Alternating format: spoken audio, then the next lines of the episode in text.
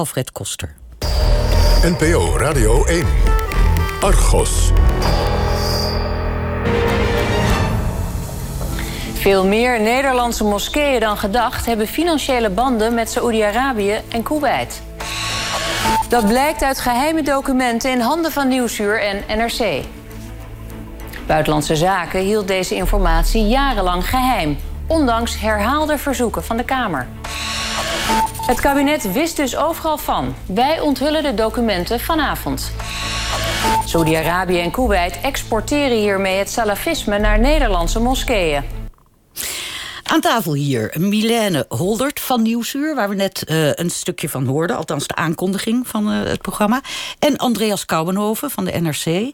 En zij samen brachten met een serie artikelen in de krant en reportages in Nieuwsuur aan het licht wat u zojuist Marielle Tweebeke hoorde zeggen. Hartelijk welkom allebei. En Milena, ik begin met jou. Hoe, is, dit onder, hoe kwamen jullie aan het onderwerp? Hoe is het onderzoek gestart? Dat begon bij jou. Ja, nou ja, dat was uh, ongeveer twee jaar geleden begon dat.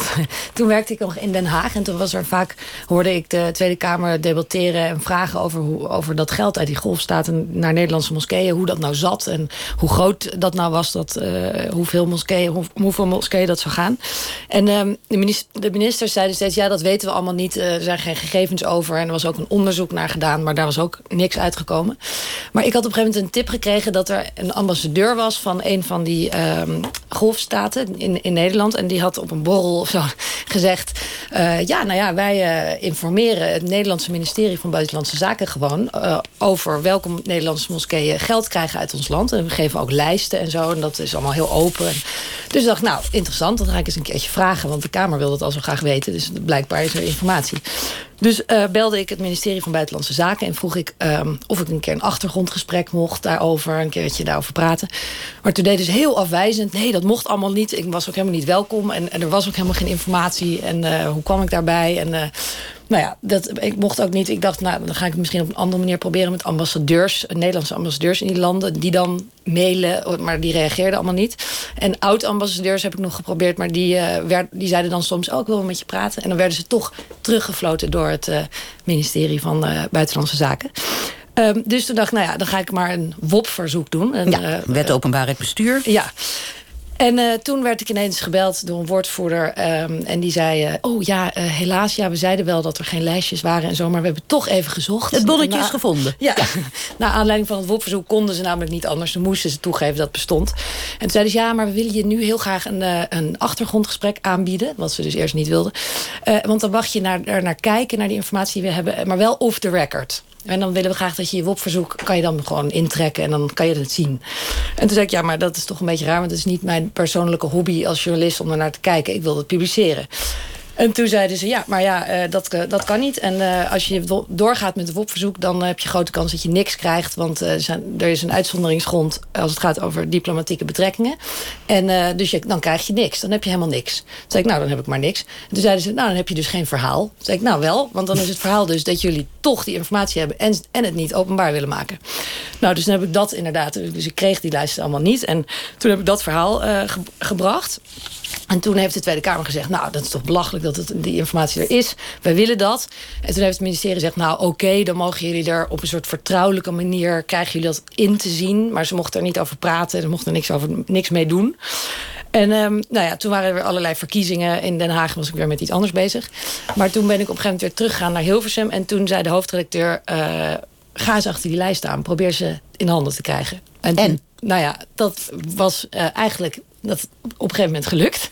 En toen dacht ik, ik ga, dat, ik ga toch nu niet dit zomaar publiceren... want er stonden toch heel veel instellingen op. En ik vond het belangrijk om er echt onderzoek naar te doen.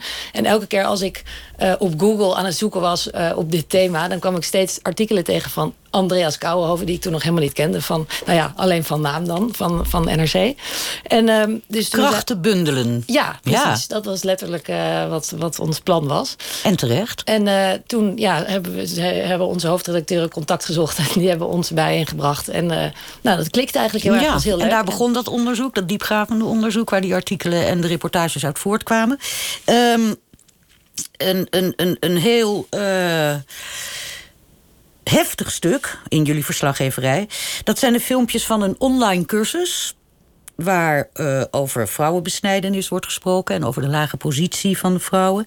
Om toegang te krijgen tot die online cursus, uh, Andreas, moesten jullie, of hebben jullie een andere naam en een ander adres gebruikt. En dat is vrij ongebruikelijk hè, voor journalisten om niet met open vizier te werk te gaan. Waarom hebben jullie dat besluit genomen? Ja. Nou, en viel dat goed bij de NRC? Want ik geloof dat hij dat echt helemaal nooit nee. Um, nou, wij zijn dus aan de hand van die lijsten, uh, waar allemaal namen van moskeeën op werden genoemd, zijn we gewoon eens gaan kijken van, nou, is er dan in de afgelopen jaren uh, iets veranderd. Hè, nadat er dan geldstromen uh, wel of niet vanuit de golf zijn overgemaakt. En dan hebben we dus een aantal moskeeën eruit gelicht. En een van die moskeeën was dus de Haagse Asuna moskee. Die dus vanuit Kuwait en Saudi-Arabië um, financieringsaanvragen hadden gedaan.